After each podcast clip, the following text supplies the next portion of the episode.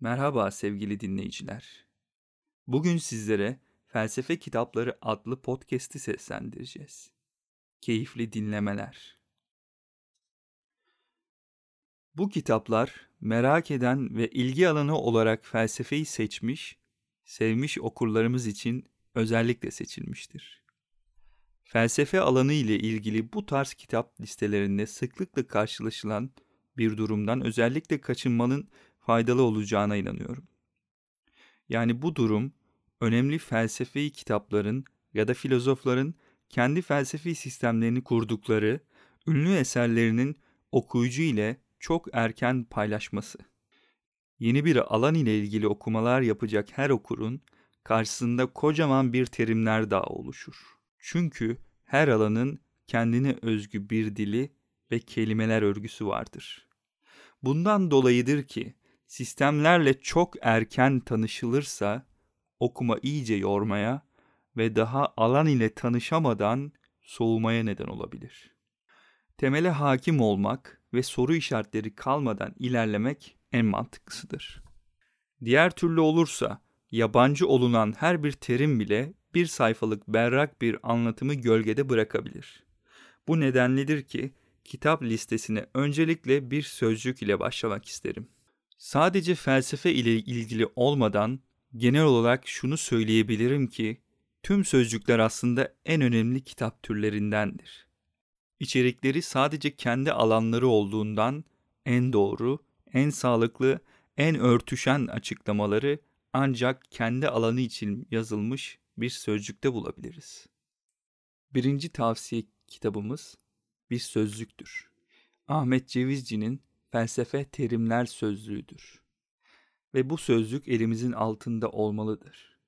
Bu sözlüğü oldukça uzun uzun ve sık sık karıştırmamız gerekecektir. Felsefe dünyasında ilerlemek ve gezmek için. Sözlük zorlanılan terimler konusunda yardımcı olacağına göre artık felsefenin ne olduğu ya da ne olmadığı üzerine biraz düşüncelere dalma vaktidir. Bunu çok yorucu olmadan yapabilmek adına Nermi Uygur'un Felsefenin Çağrısı kitabını tavsiye etmek isterim. Bu kitabın avantajı oldukça derli toplu bölümlere ayrılmış olmasıdır. Bölümler birbirini takip etmektedir. Ancak okur rahatlıkla tek tek bölümler halinde de ilerleyebilir.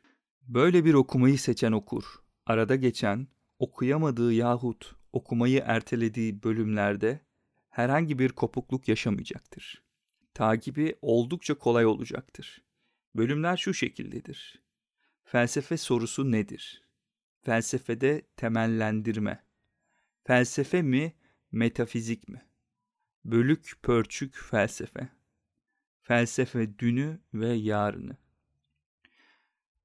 Bu bölümler okuyucu için kendi içlerinde mini kısımlar ayrılmış ve gayet anlaşılır bir hale getirilmiştir. Tanrı konuşsaydı, bilme ve eylemesinde, tanımı gereği en yatkın varlık olduğu benimsense bile, Tanrı da felsefe yapacaktı. Nermi Uygur, Felsefenin Çağrısı Felsefenin çağrısı istenilen aralıklarla, yormayan bir sıklıkla okunurken, arada küçük diyaloglara şahit olmak oldukça keyifli gelecektir diye düşünüyorum. Antik felsefe bu tür diyaloglar ve ilk filozofların hikayeleriyle doludur.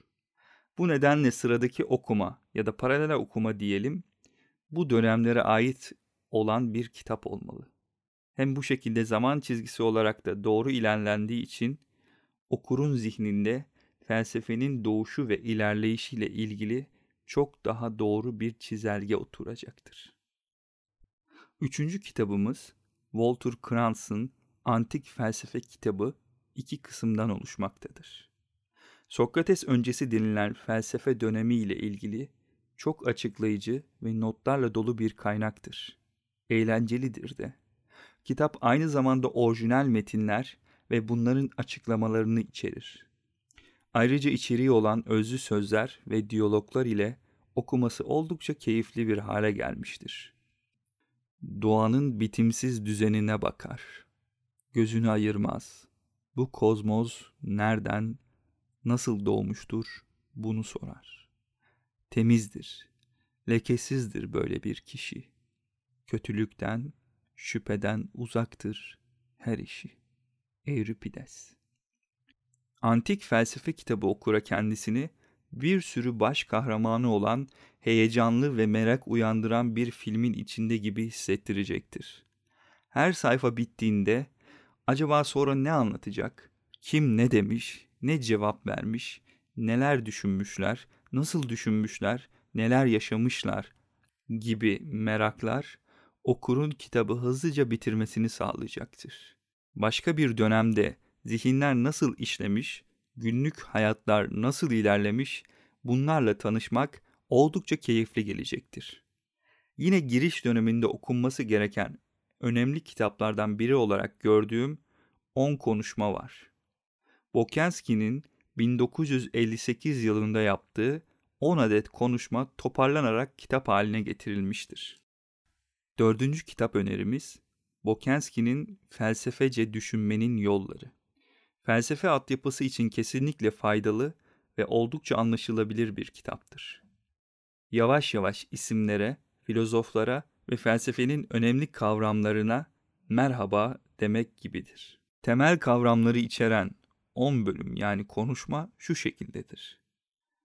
Yasa, felsefe, bilgi, doğruluk, düşünme, değer, insan, varlık, toplum, mutlak. İnsanın kuşku götürmez özelliklerini belirterek başlamamız en iyisi olur. Bunlar iki ana başlık altında toplanabilir. İnsan ilkin bir hayvan, ikinciliğin ilginç, bütünüyle eşsiz bir hayvandır. Felsefece düşünmenin yolları.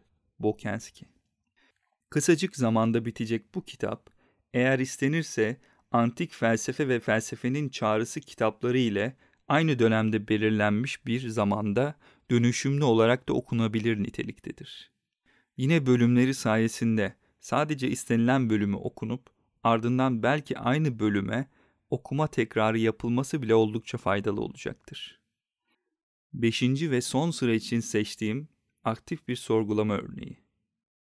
Okunması eminim ki okuru terim ve karmaşık kavramlardan biraz uzaklaştırıp okurun akıcı bir zihin etkinliği yapmasını sağlayacaktır. Sokrates'in savunması, Platon'un Sokrates'in yargısı ve ölümünden çok sonra yazdığı bir metindir. Hem Sokrates'in yöntemini anlatmak için birebir örnekler içermektedir, hem de felsefe aktivitesinde derin düşünmenin, hatta nasıl düşünmenin gerektiğini okura basit bir şekilde açıklayacak niteliktedir. Sokrates'in kendi avukatlığını sanki canlı olarak izler ve dinler gibiyizdir. Eğer onlar her doğru söyleyen adama konuşmacı diyorlarsa diyeceğim yok. Bunu demek istiyorlarsa ben öyle olduğumu kabul ederim. Ama onların anladığından bambaşka bir anlamda. Herhalde az önce de dediğim gibi söylediklerinde doğru bir yan hemen hemen yoktur. Ben ise size tüm gerçeği söyleyeceğim. Sokrates'in savunması Platon Yazan Gizem Gökçaka Seslendiren Rıdvan Tüzemen